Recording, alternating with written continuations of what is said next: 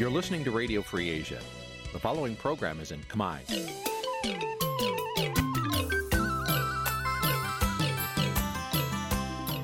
នេះជាកម្មវិធីផ្សាយ Vuthu Azizi Serai នេះជាកម្មវិធីផ្សាយរបស់ Vuthu Azizi Serai ជាភាសាខ្មែរ Vuthu Azizi Serai សូមស្វាគមន៍លោកអ្នកនាងទាំងអស់ពីរដ្ឋធានី Washington នៃសហរដ្ឋអាមេរិក បាទពីរដ្ឋធានី Washington ខ្ញុំបាទជាចំណានសូមជម្រាបសួរលោកអ្នកនាងអ្នកស្ដាប់ Vuthu Azizi Serai ទាំងអស់ជាទីមេត្រីយើងខ្ញុំសូមជូនការផ្សាយសម្រាប់ព្រឹកថ្ងៃច័ន្ទពីកើតខែមករាឆ្នាំឆ្លូវត្រីស័កពុទ្ធសករាជ2565ដែលត្រូវនៅថ្ងៃទី6ខែធ្នូគ្រិស្តសករាជ2021បាទជាដំបូងនេះសូមអញ្ជើញលោកអ្នកនាងស្ដាប់ព័ត៌មានប្រចាំថ្ងៃដែលមានមេតិការដូចតទៅ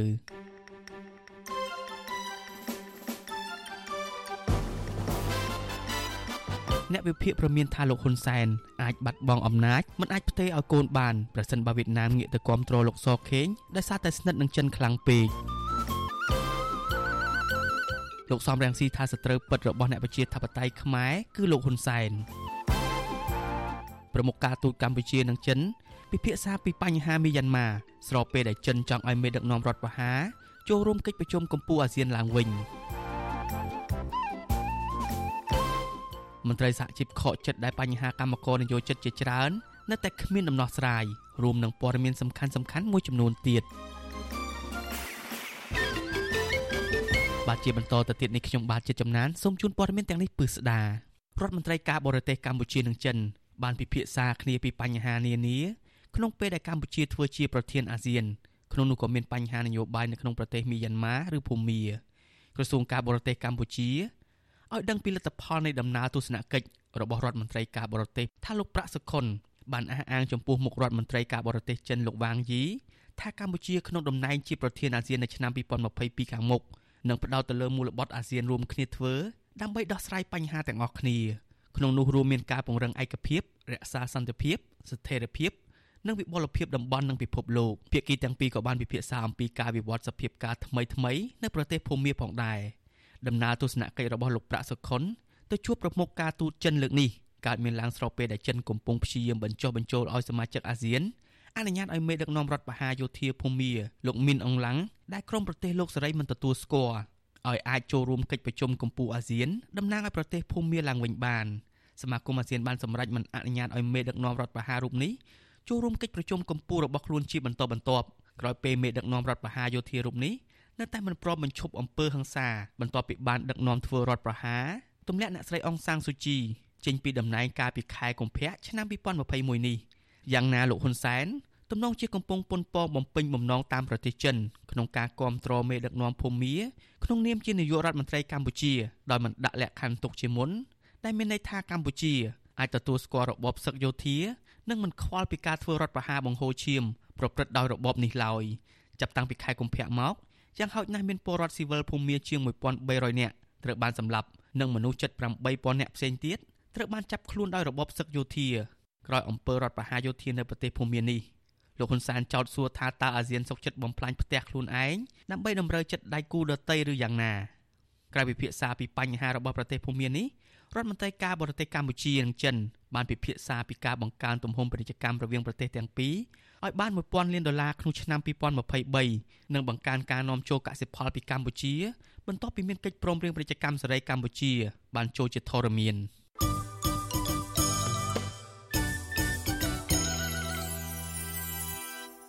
បាទលោកអ្នកនាងអ្នកស្ដាប់ជាទីមេត្រីប្រធានស្ដីទីគណៈបកសង្គ្រោះជាតិលោកសំរងស៊ី អំពាវនាវដល់ក្រុមអ្នកគាំទ្រលោកថាកុំឲ្យចាញ់បោកល្បិចកលរបស់លោកនាយករដ្ឋមន្ត្រីហ៊ុនសែនហើយមកឆ្លោះគ្នាឯងលោកបញ្ជាក់ថាសត្រូវរបស់អ្នកប្រជាធិបតេយ្យខ្មែរគឺលោកហ៊ុនសែនមិនមែនលោកនិងលោកកឹមសុខានោះទេអ្នកវិភាគនយោបាយនៅតែយល់ថាលោកសំរងស៊ីនិងលោកកឹមសុខាជាឆ្អឹងតតឹងកដល់ការគ្រប់គ្រងអំណាចរបស់លោកហ៊ុនសែនបាទលោកនូណារ៉េតរាយការណ៍ព័ត៌មាននេះលោកសំរងស៊ីបង្ហោះសារនៅលើ Facebook របស់លោកនៅថ្ងៃទី4ខែធ្នូថាគូបដិបករបស់អ្នកប្រជាធិបតេយ្យខ្មែរ គឺលោកហ៊ុនសែនមិនមែនមេដឹកនាំគណៈបកប្រឆាំងនោះទេលោកថាយុទ្ធសាស្ត្រដែលអាចយកឈ្នះលោកហ៊ុនសែនបាន មានតែការបង្រួបបង្រួមកម្លាំងប្រជាធិបតេយ្យទាំងអស់និងជំរុញឲ្យមានការបោះឆ្នោតដោយសេរីត្រឹមត្រូវនិងយុត្តិធម៌ពិតប្រាកដទេលោកជឿថាលោកកឹមសុខាក៏នៅតែមានគំនិតចង់បង្រួបបង្រួមកម្លាំងប្រជាធិបតេយ្យដោយលោកដែរ លោកបញ្ជាក់ទៀតថាកន្លងមកលោកនិងលោកកម្មសុខាបានជជែកគ្នាពីយុទ្ធសាស្ត្រសំខាន់សំខាន់ដើម្បីធ្វើការរួបរวมគ្នាយកឈ្នះមេដឹកនាំរដ្ឋាភិបាលក្រុងភ្នំពេញរួចមកហើយចំពោះការបង្កើតគណៈបកតូចតូចដែលកំពុងតែបើកដំណើរការប្រងព្រាតនាពេលថ្មីថ្មីនេះវិញលោកថាពួកលោកមិនទាន់បានពិភាក្សាគ្នានៅឡើយទេចាប់តាំងតែពីតុលាការកំពូលនៃរដ្ឋាភិបាលលោកហ៊ុនសែនបានរំលាយគណៈបកសង្គ្រោះជាតិកាលពីចុងឆ្នាំ2017មក ដោយសារតែលោកហ៊ុនសែនបានហាមឃាត់លោកកម្មសុខាមិនឲ្យចេញក្រៅប្រទេសនិងរារាំងលោកមិនឲ្យចូលប្រទេសក្នុងន័យនេះលោកសំរងស៊ីមើលឃើញថាលោកហ៊ុនសែនចង់បំបែកបំបាក់លោកនិងលោកកម្មសុខាឲ្យបែកបាក់គ្នាដើម្បីបានក្តោបក្តាប់អំណាចបន្តទៅទៀតលោកសំរងស៊ីអំពាវនាវដល់ក្រុមអ្នកគាំទ្រគណៈបកប្រឆាំងទាំងអស់កុំចាញ់បោកល្បិចកលរបស់លោកហ៊ុនសែនដោយងាកមកឆ្លោះគ្នាឯងបែបនេះហើយនាំគ្នាដើរចូលក្នុងអន្ទាក់របស់លោកហ៊ុនសែននោះ ការលើកឡើងរបស់លោកសំរងស៊ីនេះកើតមានឡើងដោយសារតែមួយរយៈនេះសកម្មជនគណបកប្រឆាំងបានបង្ហាញសារនៅក្នុងបណ្ដាញសង្គម Facebook ខកចិត្តចំពោះការប្រឈមនឹងការបែកបាក់គ្នារវាងលោកកឹមសុខានិងលោកសំរងស៊ីប្រងព្រាតព្រមពេលដែលលោកហ៊ុនសែនបានឆ្លៀតឱកាសប្រកាសដាក់កូនប្រុសច្បងរបស់លោកគឺលោកហ៊ុនម៉ាណែតជាបេក្ខជននាយករដ្ឋមន្ត្រីរបស់គណៈបកកាន់អំណាចនៅពេលខាងមុខតើតើទៅនឹងបញ្ហានេះអ្នកនាំពាក្យគណៈបកកាន់អំណាចលោកសុកអេសាន ប្រាប់វិទ្យុអាស៊ីសេរីថាមន្ត្រីគណៈបកប្រជាជនកម្ពុជាមិនមានពាក់ព័ន្ធទៅនឹងចំនួនរបស់ក្រុមគណៈបកប្រឆាំងនោះទេលោកចាត់ទុកការលើកឡើងរបស់លោកសំរងស៊ីនេះថាជាការអស់ផ្លូវដើរនិងជាការបោកប្រាស់អ្នកគ្រប់គ្រងដើម្បីកេងចំណេញនយោបាយតែប៉ុណ្ណោះ។ វាជាការគួរចង់ឲ្យអស់សំណើចណាស់ដែលកម្មសខាទាត់មួយជើងហើយកោតធាក់ថែមពីរជើងទៀតនៅតែមកបវាអោបជើងកម្មសខាទៀតអានេះហើយគឺឆ្លុះបញ្ចាំងថាអត់ផ្លូវហើយក៏ប៉ុន្តែគាត់ទៅស្រែកដំណាក់កាលចុងក្រោយគឺថាភ្លើងទៀនរៀបនឹងអាលួតហើយនោះវាឆេះមកភឹបតែប៉ុណ្្នឹងឯងថ្មីថ្មីនេះលោកហ៊ុនសែនបញ្ចេញប្រតិកម្មខ្លាំងខ្លាំងថាសញ្ញាណនៃការបែកបាក់រវាងមេដឹកនាំគណៈបកសង្គ្រោះជាតិលោកសំរងស៊ីនិងលោកកម្មសុខានោះ គឺមិនមែនលោកជាអ្នកបំបែកនោះទេលោកអះអាងថាករណីលោកកម្មសុខាជាប់ក្តីក្តាំនៅក្នុងតុលាការគឺជាការអនុវត្តច្បាប់ពលគឺមិនមែនជាការដាក់សម្ពាធឬគំនាបពីលោកនោះទេអីក៏ហ៊ុនសែនស្អីក៏ហ៊ុនសែនអញ្ចឹងហ៊ុនសែនទៅជាមនុស្សដែលខ្លាំងមហាអស្ចារ្យដែលប្របែកពួកឯងបាននោះពួកឯងតោះគ្នាឯងទៅរឿងអីមកតាក់តងជាមួយអញទេហើយរួមក៏រួមទៅ ហើយបែកក៏បែកទៅម៉ែអញបើទោះបីជាយ៉ាងនេះក្តីអ្នកវិភាគនយោបាយដែលកំពុងតែភៀសខ្លួននៅប្រទេសហ្វាំងឡង់ លោកកឹមសុខមានប្រសាសន៍ថាការលើកឡើងរបស់លោកសំរៀងស៊ីគឺជារឿងត្រឹមត្រូវ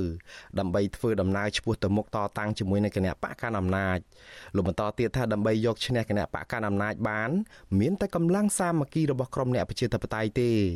លោកមើលឃើញថាបច្ចុប្បន្នលោកហ៊ុនសែននៅតែបន្តព្យាយាមបំបែកលោកកឹមសុខានិងលោកសំរងស៊ីឲ្យបែកបាក់គ្នាដើម្បីងាយស្រួលលោកគ្រប់គ្រងអំណាចបានរលូនទៅមុខទៀត លោកសំរងស៊ីគួរធ្វើការងារឲ្យច្រើន ជាងនឹងបន្តិចក្នុងការសម្រួលស្មារតីអ្នកគ្រប់គ្រងអប់រំអ្នកគ្រប់គ្រងហើយប្រើសារនយោបាយដែលឲ្យតម្លៃគ្នាទៅវិញទៅមកក្នុងកិច្ចសហប្រតិបត្តិការរួមនៃអ្នកប្រជាធិបតេយ្យឬអ្នកដែលមាននិន្នាការចង់បានប្រជាធិបតេយ្យនានាហើយអធិពលរបស់គាត់អាចធ្វើបាន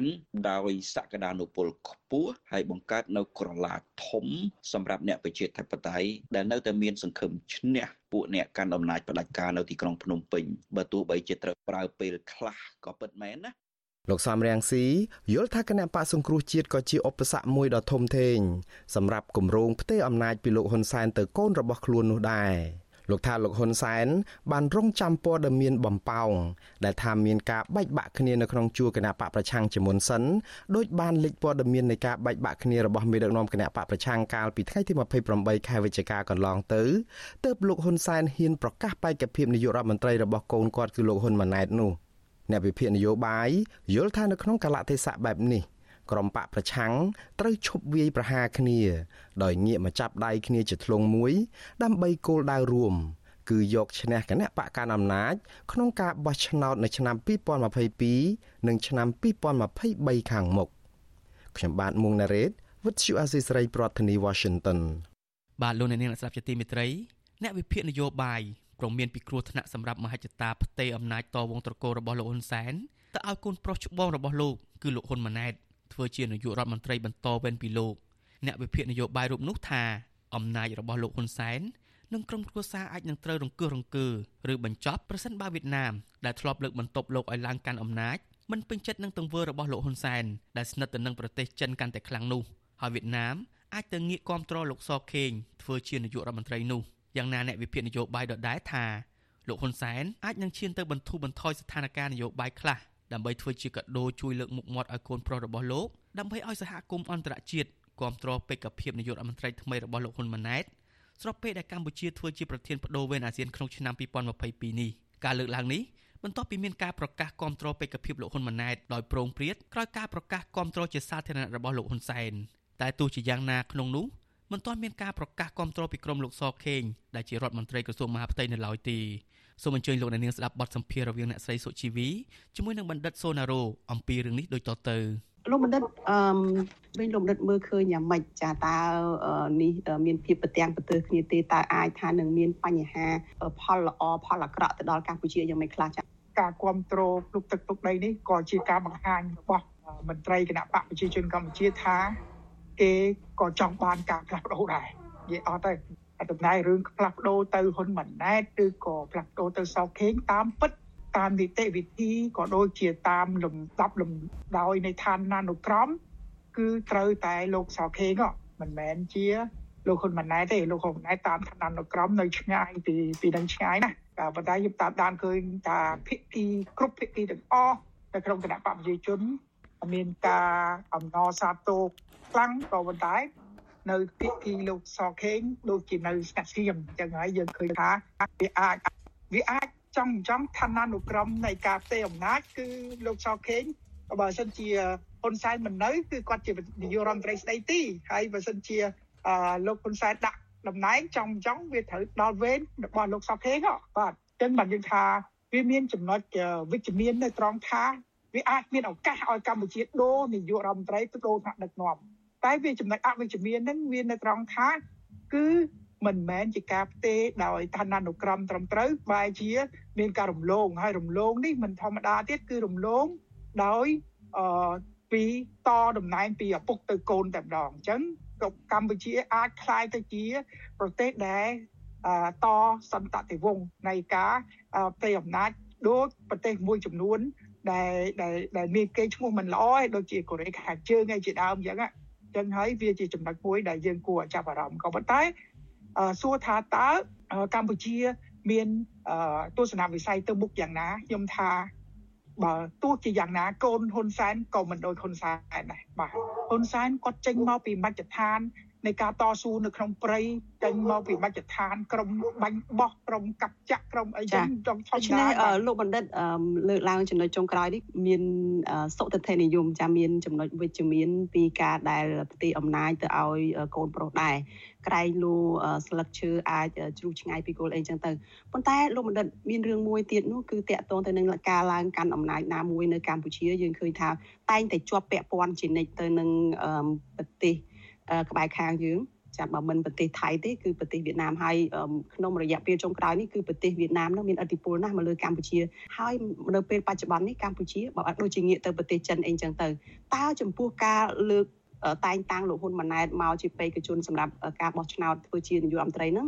អាចមានភាពប្រទាំងប្រទើសគ្នាយ៉ាងម៉េចអាចថាវៀតណាមមិនគ្រប់គ្រងទេហើយអាចធ្វើឲ្យកម្ពុជានឹងមានទំនាស់អីចុះឡើងអីនៅក្នុងឆាកអន្តរជាតិអីដែរទេចា៎ បាទខ្ញុំមិនមានសុតិធិនិយមទេគ្រាន់តែខ្ញុំឃើញថាមានចំណុចវិជ្ជមាននៅត្រង់ថា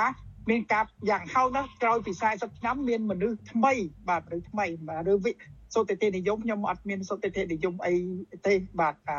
ចំណែកតែរឿងបញ្ហាដែលពាក់ព័ន្ធគឺប្រទេសកម្ពុជាយើងជានិច្ចកាលគឺថាដាក់ខ្លួនឲ្យទៅជាប្រទេសដែលរណបនៃប្រទេសជិតខាងឬក៏ប្រទេសចិនឬក៏ប្រទេសវៀតណាមឬក៏ ឲ្យជាប្រវត្តិមិនមែនតិចឆ្នាំទេ300ឆ្នាំមកហើយអញ្ចឹងហើយការផ្ទេរ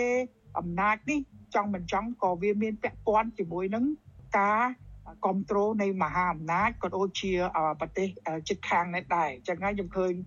ទោះបីជាបច្ចុប្បន្ននេះលោកហ៊ុនសែនគាត់មានការបាត់នយោបាយទៅរកចិនយ៉ាងកំហុកយ៉ាងណាក៏ដោយក៏ប៉ុន្តែខ្ញុំនៅតែឃើញគាត់មានហៅថារក្សា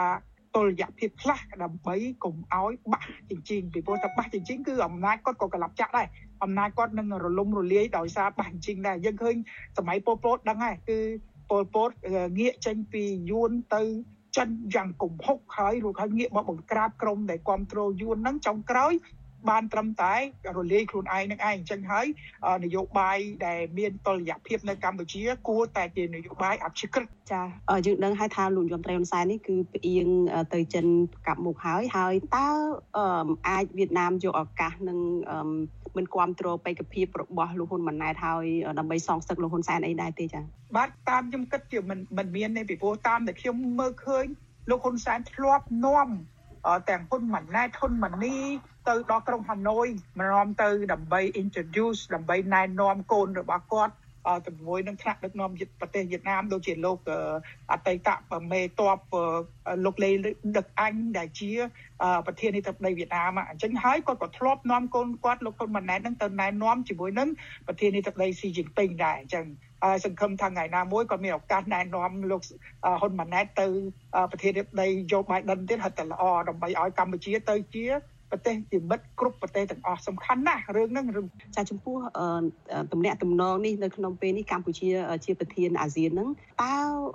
អាចនឹងមានរបបនយោបាយផ្សេងទៀតដូចជាបន្ធូរបន្ថយស្ថានភាពនយោបាយអីដើម្បីធ្វើយ៉ាងម៉េចឲ្យមានឱកាសហ្នឹងណែនាំបេក្ខភាពរបស់លោកហ៊ុនម៉ាណែតហ្នឹងទៅកាន់បណ្ដាមេដឹកនាំពិភពលោកអីផ្សេងៗឲ្យគេទទួលស្គាល់ហ្នឹងចា៎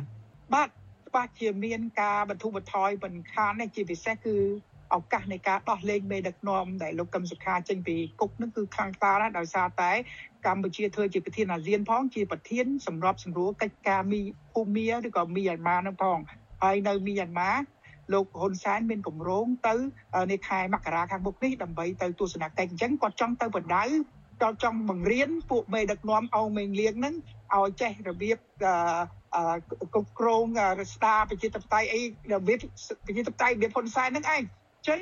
ចង់មិនចង់គាត់ត្រូវតែដោះលែងលោកកឹមសុខាដើម្បី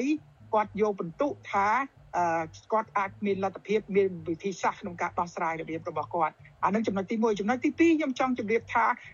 រឿងដែលផ្ទេរអំណាចទៅឲ្យបេក្ខជននាយករដ្ឋមន្ត្រីដែលហ៊ុនម៉ាណែតនេះក៏មិនមែនក្នុងរយៈពេលខ្លីទេតាមខ្ញុំមើលប្រហែលជាយ៉ាងយូរក៏មានរាប់រាប់ឆ្នាំទៅមុខដែរដើម្បីលោកហ៊ុនសែនប្រកាសនេះគ្រាន់តែជាក្រាលផ្លូវ សម្រាប់ត្រៀមកៅស្មារតីឲ្យហ៊ុនម៉ាណែតនិងសាធារណជនទទួលយកកូនគាត់តែគាត់នៅត្រូវការបង្ហាត់បង្រៀនកូនគាត់ច្រើនណាស់មុនគេបង្អស់គឺ នាយករដ្ឋមន្ត្រីគឺជាប្រធានអាស៊ានអញ្ចឹងអាចថ្ងៃក្រោយបើហ៊ុនម៉ាណែតជានាយករដ្ឋមន្ត្រីចំចង់ត្រូវធ្វើប្រធានអាស៊ានអញ្ចឹងគាត់ហាត់ការឲ្យកូនគាត់តាំងពីក្នុងអាណត្តិនេះហើយថាកូនគាត់ត្រូវតែមកប្រជុំមួយគាត់ចឹងទៅរួចហើយណែនាំជាមួយមេដឹកនាំអាស៊ានឲ្យឲ្យហ៊ុនម៉ាណែតស្គាល់កិច្ចការអាស៊ានអីហើយបន្តបន្ទាប់គាត់នឹងហាត់ជាច្រើនក៏ប៉ុន្តែអ្វីដែលសាធារណជនគេមិនអស់ចិត្តនៅត្រង់ថា លោកហ៊ុនម៉ាណែតមានស្នាដៃតែក្នុងកិច្ចការកងទ័ពនៅឡើយទេអត់ទាន់កាន់តំណែងក្នុងរដ្ឋាភិបាល ជារដ្ឋមន្ត្រីឬជាឧបនាយករដ្ឋមន្ត្រីហើយមានហៅថាស្នាដៃស្នាដៃល្អល្អខ្លាំងខ្លាំងដោយករណីលោកសំរងស៊ីអង្ការដែលគាត់តម្លើងធ្វើជារដ្ឋមន្ត្រីក្រសួងហិរញ្ញវត្ថុនោះគាត់ដោះស្រាយបញ្ហាហិរញ្ញវត្ថុដែលស្រុកខ្មែររកលុយក្នុងឃ្លាំង1ដុល្លារក៏សឹងតែគ្មានណាតែទីគាត់រកលុយបានឲ្យឃ្លាំងរដ្ឋ រកស៊ីរកប្រាក់ខែឲ្យបង្កើនប្រាក់ខែបង្កើនចឹងលោកហ៊ុនម៉ាណែតត្រូវមុននឹងឡើងយុរដ្ឋមន្ត្រីទៅទៅបង្ហាញស្នាដៃថាគាត់កាន់កិច្ចការណាមួយហើយគាត់អាចធ្វើកិច្ចការនឹងបានជោគជ័យលោកហ៊ុនម៉ាណែតត្រូវតែដើរតួជាអ្នកអឺបង្រួបបង្រួមជាតិឬក៏អ្នកដែលសន្តានាជាមួយនឹងអ្នកយុវជនចំនួនថ្មីយុវជនគេហៅថាអ្នកនយោបាយចំនួនថ្មីនេះ កុំឲ្យដូចឪពុកគាត់គឺកាន់អំណាចផ្ដាច់ការមិនមានសន្តានាទៅតែចាប់តាក់គុកទៅតែចាប់ធ្វើបាបធ្វើទុកបុកម្នេញទៅតែប្រជាធិបតេយ្យគឺជាការសន្តានាបើសិនជាលោកហ៊ុនម៉ាណែតគាត់បើកលទ្ធភាពនៃការ ដោះស្រាយបញ្ហាកម្ពុជាដោះស្រាយដោះលែងគាត់ចេញមុខមកទៅស្នើឲ្យពុកគាត់ដោះលែងអ្នកទោសនយោបាយទាំងអស់បង្ការពង្រួបពង្រួមឬក៏ស្អីស្អីអីឬក៏សន្តានាជាមួយនឹងតំណាងយុវជនក្រៅរដ្ឋាភិបាលក្រៅគណៈបកប្រឆាំងនានាគាត់ធ្វើជាគំរូក្នុងកិច្ចការដោះស្រាយប្រជាធិបតេយ្យខ្ញុំជឿថាវាប្រសើរទន្ទឹមនឹងការដូរបុគ្គលនឹងគួរតែមានការដូរសក្ការៈ នៃនយោបាយខ្លះនៅស្រុកខ្មែរយើងគឺសក្ការៈនៃការធ្វើប្រជាធិបតេយ្យឲ្យវាត្រឹមត្រូវជាងនឹងបើសិនជាមានការប្រកួតប្រជែងដោយស្មារតីសមរម្យទោះបីជាអ្នកប្រឆាំងចាញ់ហ៊ុនម៉ាណែតក៏គេអស់ចិត្តដែរជំរាបលាលោកមនិតត្រឹមប៉ុណ្ណេះសិនចាសូមអរគុណសូមជម្រាបលាបាទបាទលោកអ្នកនាងទើបតែបានស្ដាប់បទសម្ភាសន៍រវាងអ្នកស្រីសុជីវីជាមួយនឹងបណ្ឌិតសូណារ៉ូពាក់ព័ន្ធនឹងការប៉ុនប៉ងបន្តផ្ទេរតំណែងនាយករដ្ឋមន្ត្រីវងត្រកូលពីលោកហ៊ុនសែនទៅឲ្យលោកហ៊ុនម៉ាណែត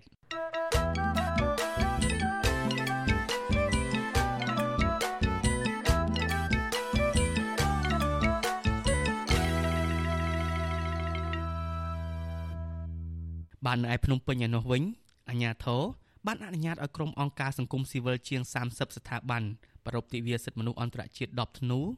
នៅទីលានប្រជាធិបតេយ្យសម្រាប់ឆ្នាំនេះប៉ុន្តែអាជ្ញាធរបានកំណត់ឲ្យមនុស្សចូលរួមត្រឹមតែ200នាក់ប៉ុណ្ណោះក្រុមមន្ត្រីអង្គការសង្គមស៊ីវិលលើកឡើងថាការប្រារព្ធទិវាសិទ្ធិមនុស្សអន្តរជាតិនេះគឺជាព្រឹត្តិការណ៍សំខាន់បំផុតដើម្បីទាមទាររដ្ឋាភិបាលលើកកម្ពស់ការគោរពសិទ្ធិមនុស្សនិងស្ដារលទ្ធិប្រជាធិបតេយ្យឡើងវិញបាទលោកមេរិតរាយការណ៍ព័ត៌មាននេះ ក្រុមអង្គការសង្គមស៊ីវិលឲ្យដឹងថាពួកគាត់សុខចិត្តទទួលយកលក្ខខណ្ឌរបស់អាជ្ញាធរដែលកម្រិតអ្នកចូលរួមប្រារព្ធទិវាសិទ្ធិមនុស្សអន្តរជាតិនៅថ្ងៃទី10ខែធ្នូខាងមុខនេះចំនួន200នាក់ព្រោះមិនចង់មានបញ្ហាវែងឆ្ងាយជាមួយអាជ្ញាធរអ្នកនាំពាក្យសមាគមការពារសិទ្ធិមនុស្សអាត់ហុកលោកសឹងសានករណាឲ្យដឹងថាតំណាងសាលាក្រុងភ្នំពេញបានកោះហៅក្រុមអង្គការសង្គមស៊ីវិលទៅពិភាក្សាគ្នារួចហើយកាលពីថ្ងៃសុក្រចុងសប្តាហ៍ លោកថាខាងអង្គការសង្គមស៊ីវិល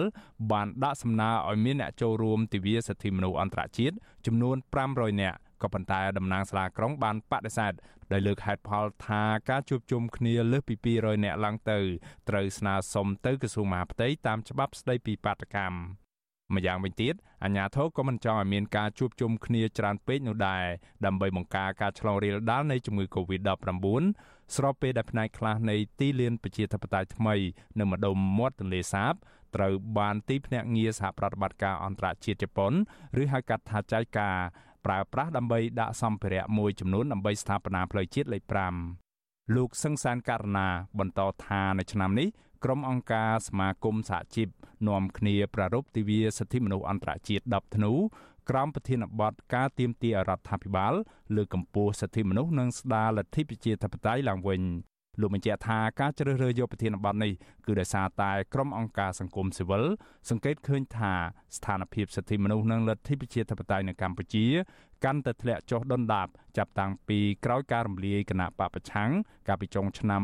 2017មក ចឹងហើយយើងបានមូលមតិគ្នាទទូចឲ្យរដ្ឋាភិបាលក៏ដូចជាអ្នកពាក់ព័ន្ធទាំងអស់រួមគ្នាដើម្បីស្ដារនៅការគោរពសិទ្ធិមនុស្សនេះឡើងមកវិញហើយនាំគ្នាធ្វើយ៉ាងណាឲ្យមានការបើកនៅលំហសេរីភាពប្រជាធិបតេយ្យសេរីនឹងឲ្យបានត្រឹមត្រូវឡើងវិញក្រៅពីការចូលរួមផ្ទាល់នៅទីលានប្រជាធិបតេយ្យហើយនោះក្រុមអង្គការសង្គមស៊ីវិលក៏នឹងរៀបចំឲ្យមានការចូលរួមតាមប្រព័ន្ធអ៊ីនធឺណិតផងដែរ ក្រុមអង្គការសង្គមស៊ីវិលក៏បានអញ្ជើញមន្ត្រីអង្គការសហជីវជាតិទទួលបន្ទុកផ្នែកសិទ្ធិមនុស្សនៅកម្ពុជា និងតំណាងស្ថានទូតលោកសេរីមួយចំនួនចូលរួមដែរក៏ប៉ុន្តែនៅឆ្នាំនេះក្រុមអង្គការសង្គមស៊ីវិលមិនបានអញ្ជើញតំណាងរបស់រដ្ឋាភិបាលនិងតំណាងរដ្ឋសភាឲ្យចូលរួមនោះទេដោយសារកន្លងមកពួកគាត់ច្រើនតែអវត្តមាន វិសុវស៊ីស្រីមិនអាចសុំការបញ្ជាក់បន្ថែមពីអ្នកនាំពាក្យសាលារដ្ឋាភិបាលភ្នំពេញលោកមេតមេភក្តីនិងអ្នកនាំពាក្យគណៈកម្មាធិការសិទ្ធិមនុស្សរបស់រដ្ឋាភិបាលលោកកតាអូនបាននៅឡើយទេនៅថ្ងៃទី5ខែធ្នូតែយ៉ាងណាកំណត់ហេតុអង្គប្រជុំកាលពីថ្ងៃទី3ខែធ្នូបង្ហាញថាភាគីអាជ្ញាធរនិងតំណាងអង្គការសង្គមស៊ីវិលបានឯកភាពគ្នាឲ្យមានការជួបជុំគ្នា ដើម្បីសម្ដែងមតិរំលឹកខួបទី73នៃទិវាសិទ្ធិមនុស្សអន្តរជាតិ ថ្ងៃទី10ខែធ្នូខាងមុខនេះក៏ប៉ុន្តែមិនអនុញ្ញាតឲ្យយកវេទិកានោះទៅវាយប្រហារលើអង្គព្រះមហាក្សត្រមន្ត្រីរដ្ឋាភិបាលឬញុះញង់ឲ្យមានអំពើហិង្សាឬបំបីបំបាក់សាមគ្គីជាតិជាដើមក្រៅពីនោះអាជ្ញាធរក៏ហាមប្រើសារនយោបាយនិងហាមអ្នកដែលជាប់បំរាមនយោបាយមិនឲ្យចូលកម្មវិធី និងហាមការហែកក្បួនតវ៉ាចេញពីទីលានប្រជាធិបតេយ្យជាដើម នាយកប្រតិបត្តិអង្គការសម្ព័ន្ធភាពការពារសិទ្ធិមនុស្សកម្ពុជាលោករស់សថាឲ្យដឹងថានៅក្នុងកម្មវិធីឆ្នាំនេះក្រុមអង្គការសង្គមស៊ីវិលនឹងប្រគល់ពានរង្វាន់សកម្មជនសិទ្ធិមនុស្សជូនអតីតអ្នកជាប់ឃុំ ដែលទើបត្រូវបានដោះលែងចំនួន20នាក់ក្នុងនោះក៏មានប្រធានសហភាពសហជីពកម្ពុជា លោករងឈុនដើម្បីរំលឹកដល់គុណបំណាច់និងសេចក្តីក្លាហានរបស់ពួកគេក្នុងការចូលរួមលើកកម្ពស់សិទ្ធិមនុស្សនិងលទ្ធិប្រជាធិបតេយ្យនៅកម្ពុជា យើងបានធ្វើមួយជំហានសិនដែលថាទៅទីលានប្រជាធិបតេយ្យដែលជាទីសាធារណៈណាបាទដែលយើងបាត់បង់សេរីភាពជាយូរមកហើយកន្លងមកយើងនៅក្នុងរុនណាណាបាទដែលវាមិនល្អទេសម្រាប់ការអនុវត្តសិទ្ធិជាមូលដ្ឋាន កាលពីឆ្នាំមុនអាជ្ញាធររាជធានីភ្នំពេញធ្លាប់បានហាមឃាត់ក្រុមអង្គការសង្គមស៊ីវិលជាង50ស្ថាប័នមិនឲ្យប្រារព្ធទិវាសិទ្ធិមនុស្សអន្តរជាតិ10ធ្នូនៅឯទីលានប្រជាធិបតេយ្យនិងហាមឃាត់ការហាយក្បួនទៅរដ្ឋសភាដោយមូលហេតុនៃការរីករាលដាលនៃជំងឺ Covid-19 ធ្ងន់ធ្ងរកាលពីពេលនោះតែយ៉ាងណាក្រុមអង្គការសង្គមស៊ីវិលបានបំបែកគ្នាជាក្រុមតូចៗនិងប្រារព្ធកម្មវិធីតាមប្រព័ន្ធអនឡាញផ្សាយចេញពីទីស្នាក់ការរៀងៗខ្លួន ខ្ញុំបាទមេរិត Visual C ស្រីរាយការណ៍ពីរដ្ឋធានី Washington បាទលោកនាងជាទីមេត្រីមន្ត្រីសហជីពឯករាជ្យនៅតែខកចិត្តដែលបញ្ហារំលោភសិទ្ធិនិងអត្ថប្រយោជន៍កម្មករជាច្រើននៅក្នុងវិស័យទេសចរនិងសេវាកម្មនៅតែគ្មានដំណោះស្រាយអ្វីបើមានជំនួបមេដឹកនាំសហជីពឯករាជ្យនិងរដ្ឋមន្ត្រីក្រសួងការងារកាលពីចុងខែវិច្ឆិកាក៏ដោយមន្ត្រីសហជីពដដែលអះអាងថាបញ្ហាដែលដោះស្រាយមិនចេញនេះកើតចេញពីមន្ត្រីក្រសួងការងារមួយចំនួន ដែលខ្វះឆន្ទៈនយោបាយនិងកាន់ជើងថកែស្របពេលដែលច្បាប់សហជីពរដ្ឋបិទសិទ្ធិសេរីភាពរបស់កម្មករសូមលោកអ្នកនាងរងចាំស្ដាប់បទសម្ភាសន៍រវាងលោកមួងណារ៉េតនិងប្រធានសហព័ន្ធសហជីពវិស័យទេសចរនិងសេវាកម្មកម្ពុជាលោកមុំរទ្ធីជុំវិញរឿងនេះនៅពេលបន្តិចទៀតនេះបាទលោកអ្នកនាងជាទីមេត្រីក្រសួងសុខាភិបាលកម្ពុជាកាលពីថ្ងៃទី5ខែធ្នូ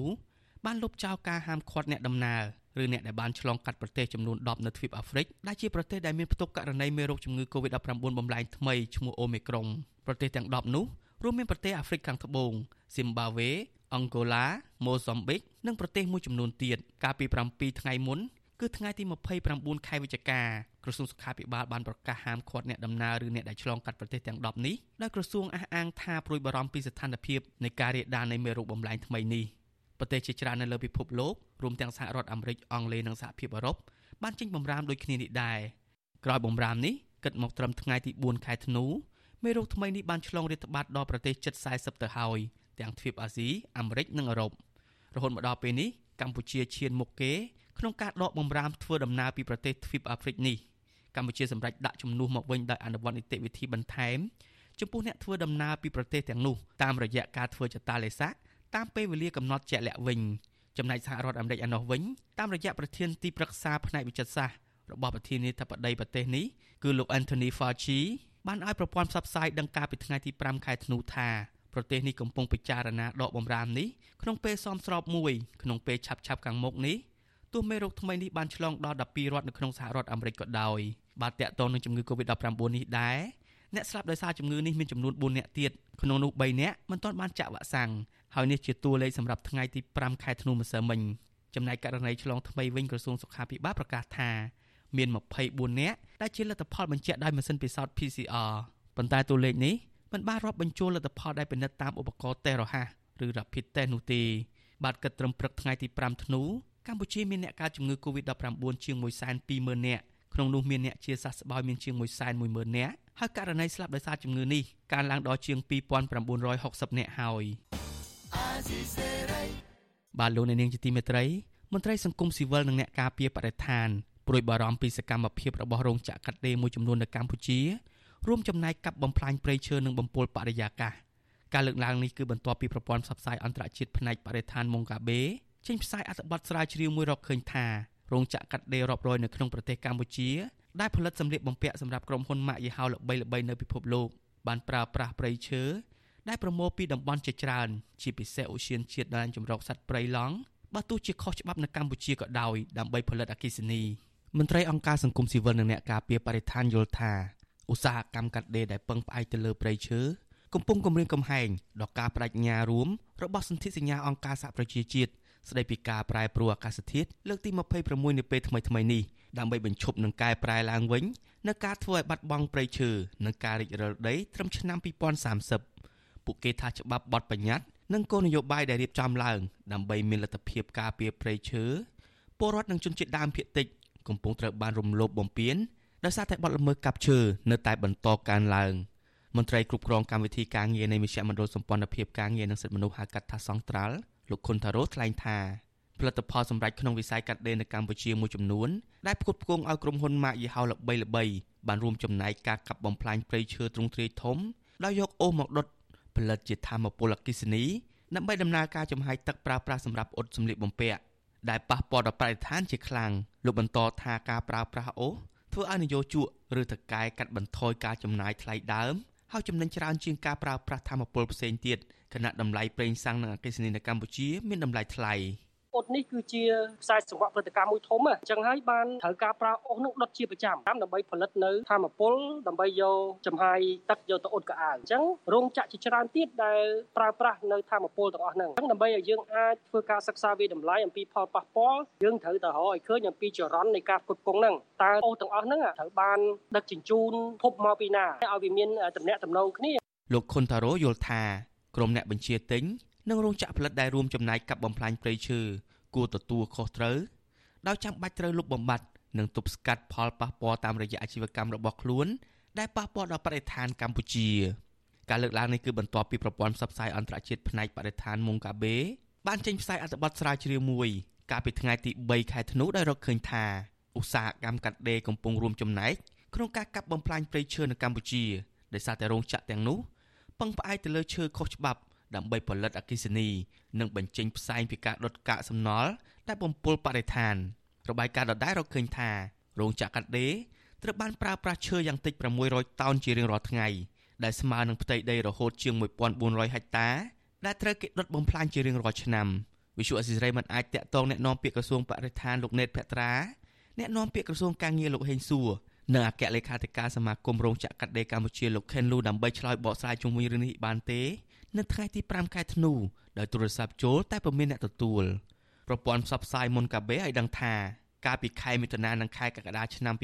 2021ក្រុមអ្នកស្រាវជ្រាវមួយក្រុមបានទៅទស្សនានិងសង្កេតរោងចក្រកាត់ដេររាប់រយនៅក្នុងប្រទេសកម្ពុជាដែលផលិតសម្លៀកបំពាក់គុតគង់ឲ្យក្រុមហ៊ុនម៉ាកយីហោល្បីៗដូចជាក្រុមហ៊ុន Lidl ក្រុមហ៊ុន Gap និងក្រុមហ៊ុន H&M ក្នុងចំណោមរោងចក្រ600ដែលត្រូវចុះបញ្ជីជាមួយនឹងសមាគមរោងចក្រកាត់ដេរនៅកម្ពុជា ពួកគេបានរកឃើញថាប្រហែលរោងចក្រមួយក្នុងចំណោម3បានប្រើប្រាស់ឈើព្រៃមួយចំនួនជាប្រចាំបើទោះបីជាឈើខុសច្បាប់ក៏ដោយជាមួយគ្នានេះអូសត្រូវបានប្រមូលនៅក្នុងតំបន់ព្រៃឈើជាច្រើនរួមទាំងតំបន់ជុំវិញហើយសូម្បីតែក្នុងឧទ្យានជាតិដូចជាដែនជម្រកសត្វព្រៃឡង់ផងដែរសង្គមស៊ីវិលធ្វើការផ្នែកបរិស្ថានក៏ព្រួយបារម្ភករណីកាប់បំផ្លាញព្រៃឈើដើម្បីបម្រើប្រយោជន៍ក្រុមហ៊ុនផងដែរពួកគាត់ចាត់ទុកទង្វើទាំងនោះជាសកម្មភាពខុសច្បាប់ ដែលរដ្ឋាភិបាលត្រូវចាត់វិធានការបន្ទាន់មន្ត្រីសម្របសម្រួលគម្រោងនៃសមាគមបណ្ដាញយុវជនកម្ពុជាលោកអ៊ូតឡាទីនលើកឡើងថាសកម្មភាពកាប់បំផ្លាញព្រៃឈើនៅតែបន្តកើនឡើងដោយសារតែគោលនយោបាយផ្ដាល់ដីសម្បត្តិនិងការអនុវត្តច្បាប់របស់អាជ្ញាធរធូររលុងនៅឡើយលោកសង្កេតឃើញថាឧស្សាហកម្មកាត់ដេរក៏អាចជាប់ពាក់ព័ន្ធការជួញដូរឈើខុសច្បាប់ក្នុងតំបន់ការពារព្រោះរបាយការណ៍អន្តរជាតិនេះស្របទៅនឹងសកម្មភាពចុះទិញឈើនៅតាមសហគមន៍មូលដ្ឋានលោកថាសកម្មភាពទាំងនេះ បានផ្ដល់ផលវិបាកធ្ងន់ធ្ងរដល់ពលរដ្ឋជាពិសេសជនជាតិដើមភាគតិចដែលរស់នៅអាស្រ័យផលលើធនធានធម្មជាតិនិងការរំលោភយកដីធ្លីជាដើមកតាពេកបរដ្ឋាភិបាលធំខ្ញុំជឿថាទៅធ្វើការជាមួយនឹងក្រុមហ៊ុនហើយទៅប្រឈប់ជាបន្ទាន់បើសិនជាក្រុមហ៊ុនដែលកាប់ឈើទៅដុតដើម្បីមានធម្មពលអគិសនីសម្រាប់ធ្វើដំណើរការក្រុមហ៊ុនរបស់ខ្លួនទៅតែប្រឈប់ហើយឲ្យក្រុមហ៊ុននឹងទៅរកវិធីផ្សេងឬក៏មធ្យោបាយផ្សេងនៅក្នុងការធ្វើដំណើរការក្រុមហ៊ុនរបស់ខ្លួនបាទលោកអ៊ូតឡាទីនឲ្យដឹងថាបញ្ហាបរិស្ថាន គឺជាក្តីកង្វល់របស់ពិភពលោកដែលអាចប្រឈមនឹងគ្រោះធម្មជាតិដូចជាទឹកជំនន់ការឡើងកម្ដៅការប្រែប្រួលអាកាសធាតុជាដើមរបាយការណ៍របស់អ្នកស្រាវជ្រាវនៅចក្រភពអង់គ្លេសលើកឡើងថាការចូលរួមចំណែករបស់ឧស្សាហកម្មកាត់ដេរកម្ពុជាចំពោះការកាប់បំផ្លាញព្រៃឈើរួមជាមួយនឹងការបំភាយឧស្ម័នកាបូនិកធ្វើឲ្យមានក្តីបារម្ភជាខ្លាំងប៉ុន្តែបញ្ហានេះទទួលបានការចាប់អារម្មណ៍តិចតួចនៅឡើយដោយសារតែការកាប់បំផ្លាញព្រៃឈើនៅកម្ពុជាភាគច្រើនត្រូវបានសន្មត់ថាជាដីសម្បត្តិ ដែលភ្ជាប់ទៅនឹងឈើដែលមានតម្លៃខ្ពស់មន្ត្រីសង្គមស៊ីវិលនិងអ្នកការពារបរិស្ថានយល់ថារបាយការណ៍របស់ស្ថាប័នអន្តរជាតិអាចជួយឲ្យភាគីពាក់ព័ន្ធដូចជារដ្ឋាភិបាល អ្នកបញ្ជាទិញនិងនយោជកសិក្សាជ្រាវជ្រាវឲ្យបានច្បាស់លាស់បន្ថែមទៀតដើម្បីអន្តរាគមន៍និងឆ្លើយតបឲ្យរួមចំណែកដោះស្រាយបញ្ហានិងទប់ស្កាត់ការបាត់បង់ព្រៃឈើនិងផលប៉ះពាល់ការប្រែប្រួលអាកាសធាតុជាសកលកម្ពុជាគឺជាប្រទេសទី10ក្នុងពិភពលោក ដែលរងការបាត់បង់ព្រៃឈើខ្លាំងជាងគេបំផុតក្នុងឆ្នាំ2019គឺរហូតដល់ជាង63000ហិកតាទិន្នន័យពីផ្កាយរណបរបស់អឺរ៉ុបនិងអាមេរិករកឃើញថាមានការកើនឡើងមិនធ្លាប់មានពីមុនមកនៅការបាត់បង់ព្រៃឈើប្រចាំឆ្នាំនៅកម្ពុជាគិតចាប់តាំងពីឆ្នាំ2000មកកម្ពុជាបានបាត់បង់គម្របព្រៃឈើរហូតដល់26%ស្មើនឹង2លាន3សែនហិកតា បាទលោកនាងជាទីមេត្រីពលរដ្ឋរស់នៅតាមតំបន់សាងសង់ទំនប់វារីអគ្គិសនីសេសានក្រោម2នៅតែក្រាញ់ននីទ្រាំលំបាកមិនចាក់ចេញពីលំនៅឋានទោះកន្លែងពួកគេរស់នៅរងការលិចលង់ជាច្រើនឆ្នាំហើយក្តីពួកគេនៅតែស្នើរដ្ឋាភិបាលឲ្យផ្ដល់សំណងពីការខូចខាតសំរុំដល់ពួកគេឆ្លើយតបបញ្ហានេះរដ្ឋាភិបាលអះអាងថាអាជ្ញាធរខេត្តស្ទឹងត្រែងបានដោះស្រាយជូនពលរដ្ឋរួចរាល់ហើយបាទលោកមេរិតមានសេចក្តីរាយការណ៍មួយទៀតអំពីរឿងនេះ ជនជាតិដើមភាគតិចរួមមានជនជាតិភ្នងឡាវគួយនិងព្រៅរស់នៅក្នុងភូមិក្បាលរមៀសនិងភូមិស្រែកូននៅខេត្តស្ទឹងត្រែងដែលបដិសេធមិនទទួលយកសំណងពីក្រុមហ៊ុន បន្តរស់នៅក្នុងភូមិថ្មីដែលពួកគេស្ម័គ្រចិត្តបង្កើតឡើងនៅក្បែរភូមិចាស់អស់រយៈពេលជាង3ឆ្នាំមកហើយបុរដ្ឋថាសប្តាហ៍ថ្ងៃកន្លែងថ្មីដែលពួកគេរស់នៅក៏រងនឹងការលិចលង់ដែរ ក៏ប៉ុន្តែពួកគេមិនចាក់ចែងទៅទីណាទៀតនោះទេដើម្បីរក្សាអត្តសញ្ញាណវប្បធម៌និងប្រពៃណីដូនតារបស់ពួកគេជនជាតិដើមភាគតិចភ្នំម្នាក់រស់នៅភូមិក្បាលរមៀសលោកស្រីស្រាំងឡាញ់ប្រាប់វិសុយស៊ីស្រីថាជាច្រើនឆ្នាំមកនេះលោកស្រីមិនអាចធ្វើស្រែចម្ការបាននោះទេព្រោះទឹកបានលិចលង់កន្លែងដែលលោកស្រីរស់នៅអស់ទៅហើយស្ត្រីជនជាតិភៀតតិចរូបនេះនៅតែរងចាំដំណោះស្រាយពីរដ្ឋាភិបាលឬក្រុមហ៊ុន គឺបងពិបាកនឹងប្រាប់ដែរមិនចេះស្រកទេបងអើយកលែងផ្ទះចាស់ភូមិចាស់ហ្នឹងនៅតែលិចតែដែលនោះហើយមិនទាន់សុខមិនទាន់សប្បាយទេនៅឡើយព្រោះការដំណោះស្រាយរបស់ក្រុមហ៊ុនរាជរដ្ឋាភិបាលវាមិនទាន់ដំណោះស្រាយតាមការសំណូមពររបស់ប្រជាពលរដ្ឋដែលផលប៉ះពាល់ហ្នឹងស្រដៀងគ្នានេះដែរតំណាងសហគមន៍នៅក្នុងទំនប់សេសានក្រំ2 លោកហ្វុតខឿនឲ្យដឹងថាចាប់តាំងពីមានទំនប់វារីអគ្គិសនីសេសានក្រំ2មកពលរដ្ឋរស់នៅតំបន់នេះបានបាត់បង់មុខរបរធ្វើស្រែចម្ការដាំដំណាំនិងចិញ្ចឹមសត្វលោកបន្តទៀតថាសូម្បីតែការនេសាទក៏មិនសូវបានត្រីដូចមុននោះដែរតំណាងសហគមន៍រូបនេះឲ្យដឹងថាពេលនេះពលរដ្ឋរស់នៅក្នុងភូមិក្បាលរមៀដែលមិនព្រមចាក់ចេញមានប្រមាណជាង50គ្រួសារចំណែកឯពលរដ្ឋសហគមន៍ស្រែគោមានជាង40គ្រួសារ លោកឲ្យដឹងទៀតថាពលរដ្ឋទាំងនេះមិនទាន់ទទួលបានសំណងណាមួយពីរដ្ឋាភិបាលនៅឡើយទេគាត់នៅតែរអ៊ូរទាំធ្វើស្រែមិនបាន ពេលទឹកលិចទឹកជន់មកពេលភ្លៀងខ្លាំងវាអាចជន់លិចទាំងពីគម្រោងបារីនឹងផងជន់លិចទឹកភ្លៀងផងអញ្ចឹងបានធ្វើឲ្យគាត់ពិបាកចិត្តក្នុងការសម្រេចចិត្តធ្វើស្រែចម្ការរបស់កន្លែងចាស់របស់គាត់នឹង លោកហ្វុតខឿនប្រាប់ថាពលរដ្ឋដែលមិនចាក់ចេញរក្សាចំហទាមទារសំណងជាទឹកប្រាក់ចំនួន15000ដុល្លារអាមេរិកនៅក្នុងមួយគ្រួសារទំនប់វារីអគ្គិសនីសេសានក្រោម2ត្រូវបានរដ្ឋាភិបាលសម្ពោធឲ្យប្រើប្រាស់កាលពីថ្ងៃទី17ខែធ្នូឆ្នាំ2018កន្លងទៅវារីអគ្គិសនីនេះមានសមត្ថភាពផលិតថាមពលអគ្គិសនីបាន400មេហ្គាវ៉ាត់ជាវារីអគ្គិសនីដ៏ធំបំផុតរបស់កម្ពុជាវិ រិយអគ្គិសនីនេះគឺជាគម្រោងរួមគ្នារវាងក្រុមហ៊ុនរបស់កម្ពុជា គឺក្រុមហ៊ុន Royal Group របស់អ្នកអង្គការកិតមេងកាន់កាប់ភាគហ៊ុន39%រួមជាមួយនឹងក្រុមហ៊ុន Huaneng Hydro Lanchang International របស់ចិន មានភាគហ៊ុន51%និងក្រុមហ៊ុន ENV International របស់វៀតណាម មានភាគហ៊ុន10%ទំនប់វារីអគ្គិសនីនេះចំណាយលុយសាងសង់អស់816លានដុល្លារអាមេរិក ទំនប់នេះមានកម្ពស់75ម៉ែត្រការវិនិយោគនេះធ្វើឡើងក្រោមរូបភាពនៃការសាងសង់ដំណើរការនឹងផ្ទេរមានរយៈពេលសម្បទាន45ឆ្នាំ ដែលក្នុងនោះរយៈពេល5ឆ្នាំសម្រាប់ដំណើរការសាងសង់និង40ឆ្នាំសម្រាប់ការធ្វើអាជីវកម្មចាប់តាំងពីមានទំនប់វារីអគ្គិសនីនេះអង្គការសិទ្ធិមនុស្សជាតិនិងអន្តរជាតិរកឃើញថាគម្រោងអភិវឌ្ឍនេះបានបង្កជាមហន្តរាយផ្នែកសិទ្ធិមនុស្សដល់ជនជាតិដើមភាគតិច ដែលក្នុងនោះពលរដ្ឋប្រមាណ5000នាក់ត្រូវបានបណ្តេញចេញដោយបង្ខំជុំវិញបញ្ហានេះ Visual C ស្រីមិនអាចសុំការបំភ្លឺពីអ្នកនាំពាក្យស្លាខេត្តស្ទឹងត្រែងលោកម៉ែនគង់បាននៅឡើយទេក៏ប៉ុន្តែអ្នកនាំពាក្យរដ្ឋាភិបាលលោកផៃសិផានឲ្យដឹងថាតាមព័ត៌មានដែលអាជ្ញាធរខេត្តស្ទឹងត្រែងបានផ្ដល់ឲ្យលោកបញ្ហាសំណងនេះអាជ្ញាធរបានដោះស្រាយជូនពលរដ្ឋរួចរាល់ហើយ លោកបន្តថាពលរដ្ឋដែលបានអះអាងថាមិនព្រមចាក់ចេញឬមិនទទួលសំណងជាពលរដ្ឋថ្មីដែលទើបចូលមករស់នៅនៅតំបន់នោះប្រជាពលរដ្ឋដែលទៅវាទីថ្មីទេដែលជួបផលប៉ះពាល់អាហ្នឹងគេនិយាយតែខ្ញុំអញ្ចឹងអ្នកជំនាញផ្នែកអភិបាលកិច្ចទឹកលោកហែមឧត្តមសង្កេតឃើញថាពលរដ្ឋរស់នៅក្នុងតំបន់សាងសង់ទំនប់វារីអគ្គិសនីសេសានក្រំពីនេះបានរងគ្រោះនិងបាត់បង់នៅអ្វីៗគ្រប់បែបយ៉ាងសឹងតែរកអ្វីមកព្រៀបផ្ទឹមស្ទើរមិនបាន ទោះយ៉ាងណាលោកថាផ្ទុយទៅវិញពលរដ្ឋដែលប៉ះពាល់ទទួលបានសំណងតិចតួចប៉ុណ្ណោះចំពោះគម្រោងនេះប្រពៃណីជនជាតិដើមភាគតិចនៅក្នុងតំបន់ដែលបានរងគ្រោះដោយសារទំនប់សេសានក្រោមពីបើគាត់មិនព្រមចាក់ចេញអីអញ្ចឹងអញ្ចឹងយើងឃើញទាំងអស់ហ្នឹងគឺជាគុណតម្លៃដែលពិបាកនៅក្នុងការទូទាត់សងហើយ របាយការណ៍របស់អង្គការឃ្លាំមើលសិទ្ធិមនុស្សអន្តរជាតិ Human Rights Watch កាលពីខែសីហាបង្ហាញថាវប្បធម៌ប្រពៃណីនិងសិទ្ធិជនជាតិដើមភាគតិចរងនឹងការរំលោភបំពានយ៉ាងធ្ងន់ធ្ងរដោយសារតែផលប៉ះពាល់នៃការសាងសង់ទំនប់វារីអគ្គិសនីនេះរបាយការណ៍ដដែលលើកឡើងទៀតថាពលរដ្ឋត្រូវបានអាជ្ញាធរបង្ខំឲ្យទទួលសំណងតិចតួចហើយជាងនេះទៅទៀតកន្លែងថ្មីដែលអាជ្ញាធររៀបចំឲ្យមិនទាន់មានប្រព័ន្ធហេដ្ឋារចនាសម្ព័ន្ធត្រឹមត្រូវ គ្មានការបណ្ដុះបណ្ដាលគ្មានជំនួយផ្នែកជីវភាពនិងគ្មានទឹកស្អាតប្រើប្រាស់ជាដើមខ្ញុំបាទមេរិត Visual C សេរីរាយការណ៍ពីរដ្ឋធានី Washington បាទលោកអ្នកនាងអ្នកស្ដាប់ជាទីមេត្រីមន្ត្រីសហជីពឯករាជ្យនៅតែខកចិត្តដែលបញ្ហារំលោភសិទ្ធិនិងអត្ថប្រយោជន៍កម្មករជាច្រើន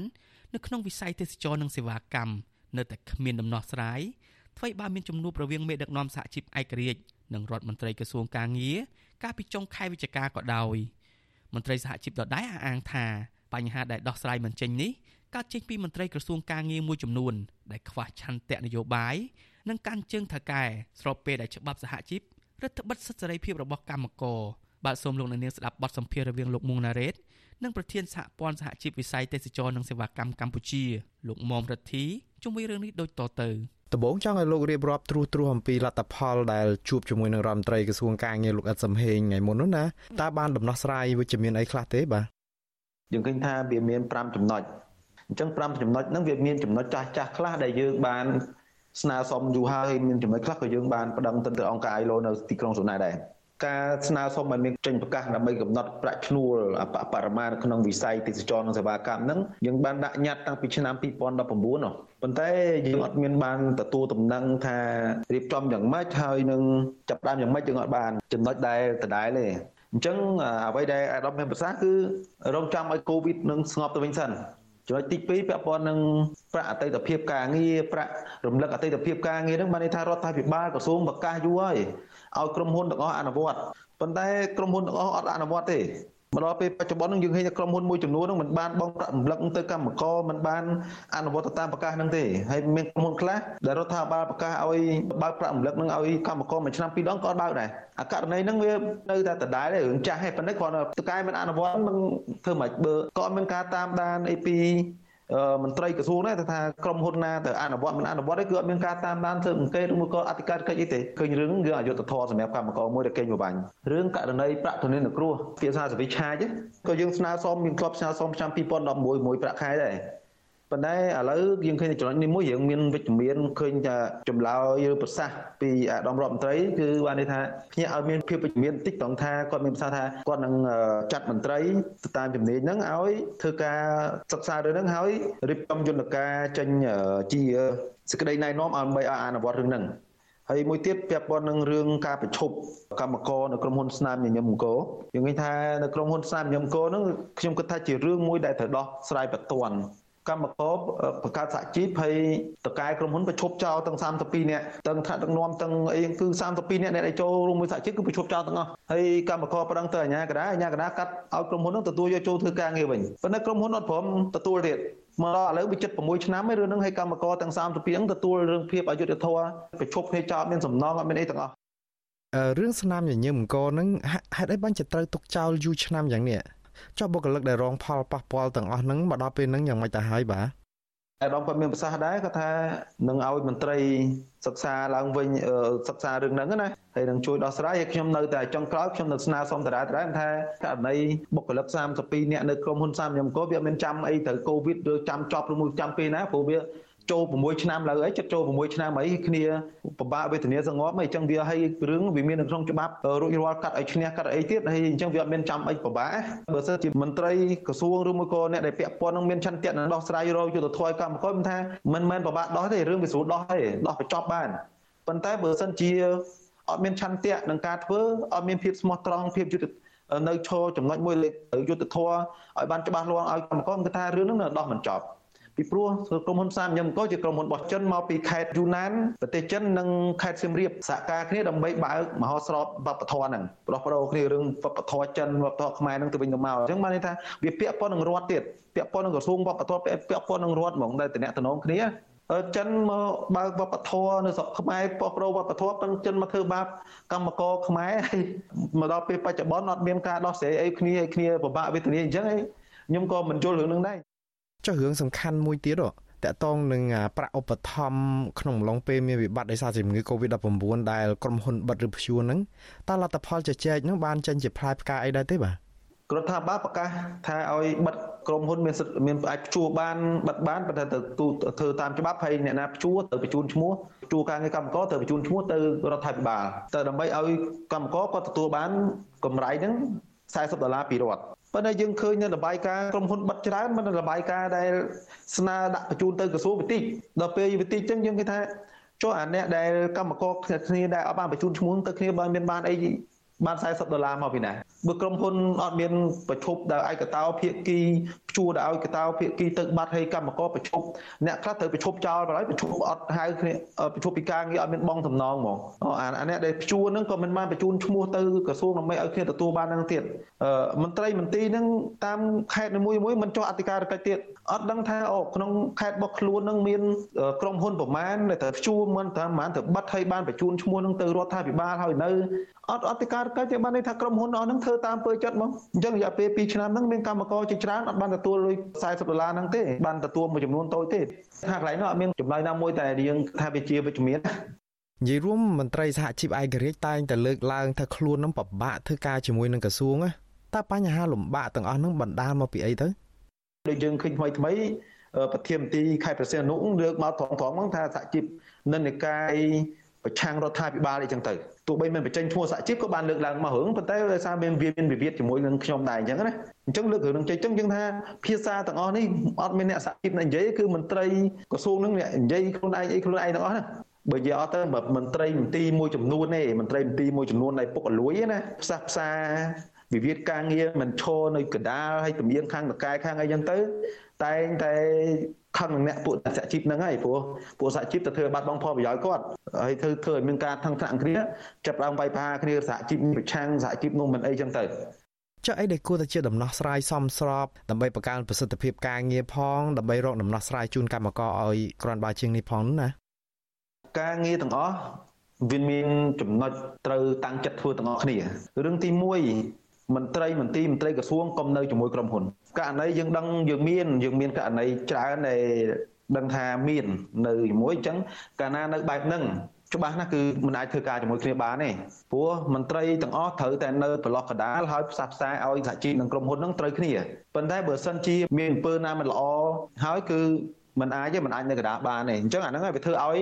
ការដោះស្រាយហ្នឹងវាអត់ចប់ហើយធ្វើឲ្យធ្វើការមិនត្រូវគ្នាអ្នកសហជីពធ្វើការមិនត្រូវមួយ ខាងមន្ត្រីក្រសួងមន្ទីរគឺរឿងហ្នឹងឯងការងារមួយចំនួនទៀតក៏ត្រូវតែមានការសម្របសម្រួលគេថាបើសិនជាបិទសិទ្ធិសេរីភាពសហព័ន្ធបិទសេរីភាពសហភាពមិនឲ្យទៅជួយកម្មករមិនឲ្យនិយាយអានោះក៏ជារឿងតែធ្វើការមិនត្រូវគ្នាដែរធ្វើយ៉ាងណាឲ្យមានភាពយុត្តិធម៌ហើយឈរនៅប្រឡោះកដាលបើសិនជាមិនឈរនៅប្រឡោះកដាលទេរឿងវាធ្វើការមិនត្រូវគ្នាទេព្រោះអ្នកសហជីពការពារកម្មករហើយបើគេមលប់សិទ្ធិកម្មករធ្វើបាបកម្មករអ្នកសហជីពនឹងប្រឆាំងឯង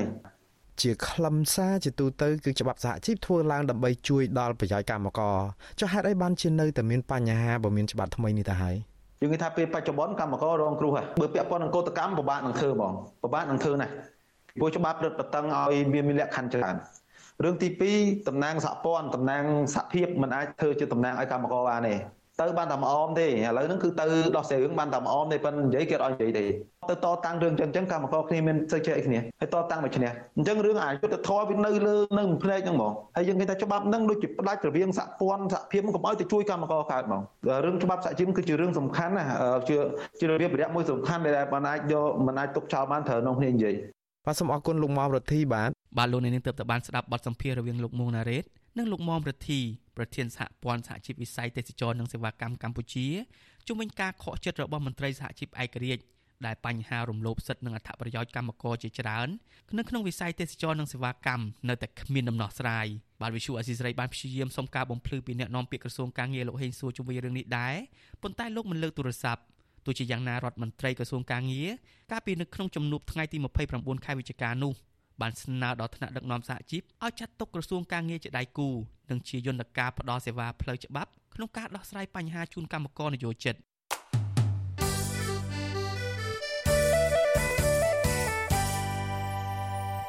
បាននៅឯខេត្តបាត់ដំបងឯនោះវិញ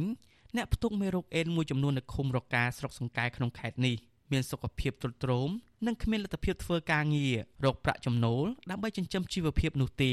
អ្នកភូមិទាំងនោះជួបប្រទះបញ្ហានេះដោយសារតែក្នុងរយៈពេល1ឆ្នាំនេះអាជ្ញាធរពាក់ព័ន្ធមិនសូវយកចិត្តទុកដាក់ជួយដល់ពួកគាត់ឡើយមន្ត្រីសង្គមស៊ីវិលយល់ថារដ្ឋាភិបាលគួរតែបញ្ញាប់ដោះស្រាយបញ្ហានេះដោយឧបត្ថម្ភសាច់ប្រាក់និងបង្កើតការងារយូរអង្វែងជូនដល់ពួកគាត់បាទលោកលេងម៉ាលីរាយការណ៍ព័ត៌មាននេះក្រុមអ្នកផ្ទុកមេរោគអេដស៍នៅឃុំរកាថ្លែងថាពួកគាត់មានជីវភាពកាន់តែលំបាកដោយសារសុខភាពទ្រុឌទ្រោមមិនអាចធ្វើការងារធ្ងន់បានដោយប្រជាពលរដ្ឋដទៃ ម្យ៉ាងទៀតពួកគាត់មិនអាចទៅរកការងារធ្វើឆ្ងាយពីផ្ទះសម្បែងរបស់ខ្លួនបានទេព្រោះត្រូវទៅទទួលថ្នាំពីគ្រូពេទ្យនៅមណ្ឌលសុខភាពរកាជាប្រចាំអ្នកផ្ទុកមេរោគអេដស៍នៅភូមិរកាម្នាក់រៀបរាប់ប្រាប់វិទ្យុអស៊ីសេរីថាលោកស្រីឆ្លងជំងឺអេដស៍តាមរយៈការចាក់ថ្នាំពីគ្រូពេទ្យក្នុងភូមិម្នាក់ឈ្មោះយ៉ាមជ្រិនតាំងពីខែធ្នូឆ្នាំ2014រហូតមកស្ត្រីវ័យ64ឆ្នាំរូបនេះបន្តថារយៈពេល1ឆ្នាំមកនេះ សុខភាពរបស់លោកស្រីទ្រុឌទ្រោមខ្លាំងនិងគ្មានកម្លាំងកំហែងសូម្បីតែដើរក៏មិនអាចទៅណាឆ្ងាយពីផ្ទះបានដែរលោកស្រីព្រួយបារម្ភខ្លាចសុខភាពកាន់តែទ្រុឌទ្រោមជាងនេះមិនអាចដើរហើរបានដោយខ្លួនឯងនាំឲ្យលំបាកដល់កូនចៅមើលថែលោកស្រី ធ្វើឲ្យប៉ះពាល់ដល់ជីវភាពគ្រួសារលោកស្រីបញ្ជាក់ថាសប្តាហ៍ថ្ងៃនេះលោកស្រីរស់នៅពឹងផ្អែកលើកូននឹងបានប្រាក់ឧបត្ថម្ភបន្តិចបន្តួចពីរដ្ឋាភិបាល ជួយដល់ជនក្រីក្រ ប៉ុន្តែមិនគ្រប់សម្រាប់ដោះស្រាយបញ្ហាជីវភាពគ្រួសារឡើយ។ ហើយដូចចាស់ចាស់ដូចខ្ញុំនេះអត់ទេខ្ញុំដាច់មែនទេអត់លឺចែកអីណាឲ្យណាអីអត់បានតែក្មេងក្មេងគេថាទៅរੂអីមិនបានគ្រូខ្លះគ្នាអត់អត់មែនទេដូចអីព្រឿងលំអីនឹងគ្នាអត់មែនទេហើយតែត្រឹមតែត្រោមដើរតាមខ្នល់ប្រពេសប្រប៉ះមានអង្គគ្មានអីហូបតែថាបើនឹងជួយរៀងរាល់ខែរាល់ថ្ងៃមកកុំអីឲ្យពិបាកបិញចឹងទៀតម្ចាស់ចាស់ដឹងទៅរੂអីបានទេដូចខ្ញុំមកឆ្នាំមុនមុនរੂបានចិត្តតែមានប្រាក់ដាក់កប៉ៅឥឡូវគ្មានទេគ្រូហើយយើងបានមកកូននៅទៅធ្វើការធ្វើអីទៅមកដេកអង្គុយខ្វិននៅចាំរងមកគេថាបានឲ្យលុយឲ្យកាក់អីចាយខ្លះអ្នកផ្ទុកមេរោគអេដសរូបនេះឲ្យដឹងថាប្តីរបស់លោកស្រីអាយុ64ឆ្នាំ បានស្លាប់កាលពីខែមេសាឆ្នាំ2015ក្រោយពេលលោកឆ្លងមេរោគអេដសបានជាង6ខែតាមរយៈការចាក់ថ្នាំពីគ្រូពេទ្យយ៉ែមជ្រិនដែរ លោកស្រីបន្តថាបច្ចុប្បន្នអ្នកផ្ទុកមេរោគអេដសនៅឃុំរកាជាច្រើនអ្នកមានសុខភាពទ្រុឌទ្រោមនិងមានសភាពស្លេកស្លាំងជាពិសេសមនុស្សចាស់ដោយសារពួកគាត់គ្មានអាហារហូបចុកគ្រប់គ្រាន់សប្តាហ៍ថ្ងៃលោកស្រីទៅបើកថ្នាំនៅមណ្ឌលសុខភាពរកាលេបពន្យាអាយុជីវិតជារៀងរាល់3ខែម្ដងទៅមកមកឆ្នាំនេះគិតទៅមួយឆ្នាំហើយខ្ញុំណាទ្រោមខ្លាំងបាយក៏មិនបានអីមិនបានហើយជើងដៃចុកចាប់ ឈឺពេញទៅខ្លួនដើរទៅត្រឹមត្រឹមក្បែរក្បែរផ្ទះណាកូនចាប់លើកឡើងងុចទឹកកូនងុចឲ្យត្រោមមែនទេណាគ្រូអើយឲ្យតែចាស់ចាស់ដូចគ្នាក្មេងៗមានធ្វើណាធ្វើការការដែរដូចយ៉ាងចៅខ្ញុំអីហ្នឹងក្រៅចៅខ្ញុំក៏អញ្ចឹងដែរស្វែកស្រែកខ្លាំងស្រែកខ្លាំងដល់យ៉ាងម៉េចអញ្ចឹងស្រដៀងគ្នានេះដែរអ្នកផ្ទុកមេរោគអេដសនៅឃុំរកាម្នាក់ទៀតថ្លែងថា កញ្ញាបានឆ្លងមេរោគកាចសាហាវនេះតាំងពីនៅវ័យកុមារតាមរយៈការចាក់ថ្នាំពីគ្រូពេទ្យយ៉ែមជ្រិននេះដែរយុវតីវ័យ18ឆ្នាំរូបនេះបន្តថាគ្រួសាររបស់នាងមានសមាជិក2នាក់គឺកញ្ញានិងប្អូនប្រុស14នាក់ម្នាក់បានឆ្លងមេរោគអេដសប្រមាណ6ឆ្នាំមកហើយសប្តាហ៍ថ្ងៃរាងកាយពួកគេស្លេកស្លាំងនិងគ្មានកម្លាំងកំហែងជួយធ្វើការពុកម្ដាយរកប្រាក់ចំណូលផ្គត់ផ្គង់ជីវភាពជិត1ឆ្នាំមកហើយ យុវតីរូបនេះបានបញ្ចប់ការសិក្សាត្រឹមថ្នាក់ទី7ដោយសារជីវភាពគ្រួសារក្រីក្រ និងមានបញ្ហាសុខភាព ដែលមិនអាចទៅបានទៀងទាត់ដោយកុមារដទៃឡើយកញ្ញាបន្តថាសប្តាហ៍ថ្ងៃគ្រួសាររបស់នាង មានជីវភាពកាន់តែលំបាកវេទនាហើយរស់នៅបែកគ្នាដោយឪពុកម្ដាយកំពុងធ្វើការនៅប្រទេសថៃចំណែកនាងនិងប្អូនប្រុសនៅជាមួយម្ដាយមីងនិងយាយនៅខេត្តបាត់ដំបង តាហើយម៉ែគាត់នៅថៃធ្វើការធ្វើថ្ងៃចម្រោះអត់ទៅមានកម្លាំងហើយហូបអីអត់ទៅបានហើយវាបាក់ក្លេកហើយវារឹងញោខ្លួនខ្ញុំអត់ដឹងមិនដែរគ្រូហើយទឹកអីចឹងញ៉ាំឆ្លាដែរបើតែថ្ងៃខ្លះវារឹងស្បើយធ្វើអត់តោទេអញ្ចឹងចាបើថាថាចឹងហើយវាក្តៅអញ្ចឹងទៅវាញោខ្លួនហើយវល់អីចឹងធ្វើអត់តោទេព្រោះវាអត់មានកម្លាំងដូចគេ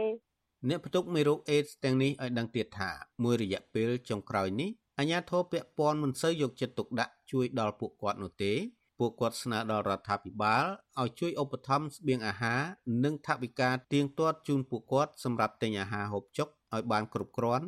ដើម្បីឲ្យមានសុខភាពរឹងមាំអាចជួយធ្វើការងាររកប្រាក់ចំណូលគ្រួសារនិងអាចបន្តអាយុជីវិតទៅមុខទៀតវិទ្យុអស៊ីសេរីមិនអាចតាក់ទងអនុប្រធានមន្ទីរសុខាភិបាលខេត្តបាត់ដំបងលោកស៊ូសនិត ដើម្បីសូមសេចក្តីអធិប្បាយជុំវិញបញ្ហានេះបានទេ នៅថ្ងៃទី2និងថ្ងៃទី3ធ្នូដោយលោកប្រាប់ថាជាប់រវល់មេឃុំរកា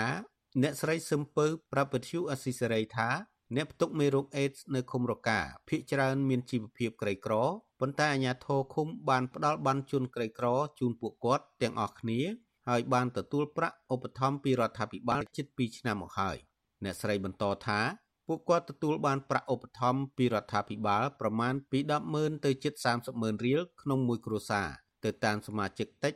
ឬច្រើននៃគ្រួសារនីមួយៗជារៀងរាល់ខែអ្នកស្រីបញ្ជាក់ថា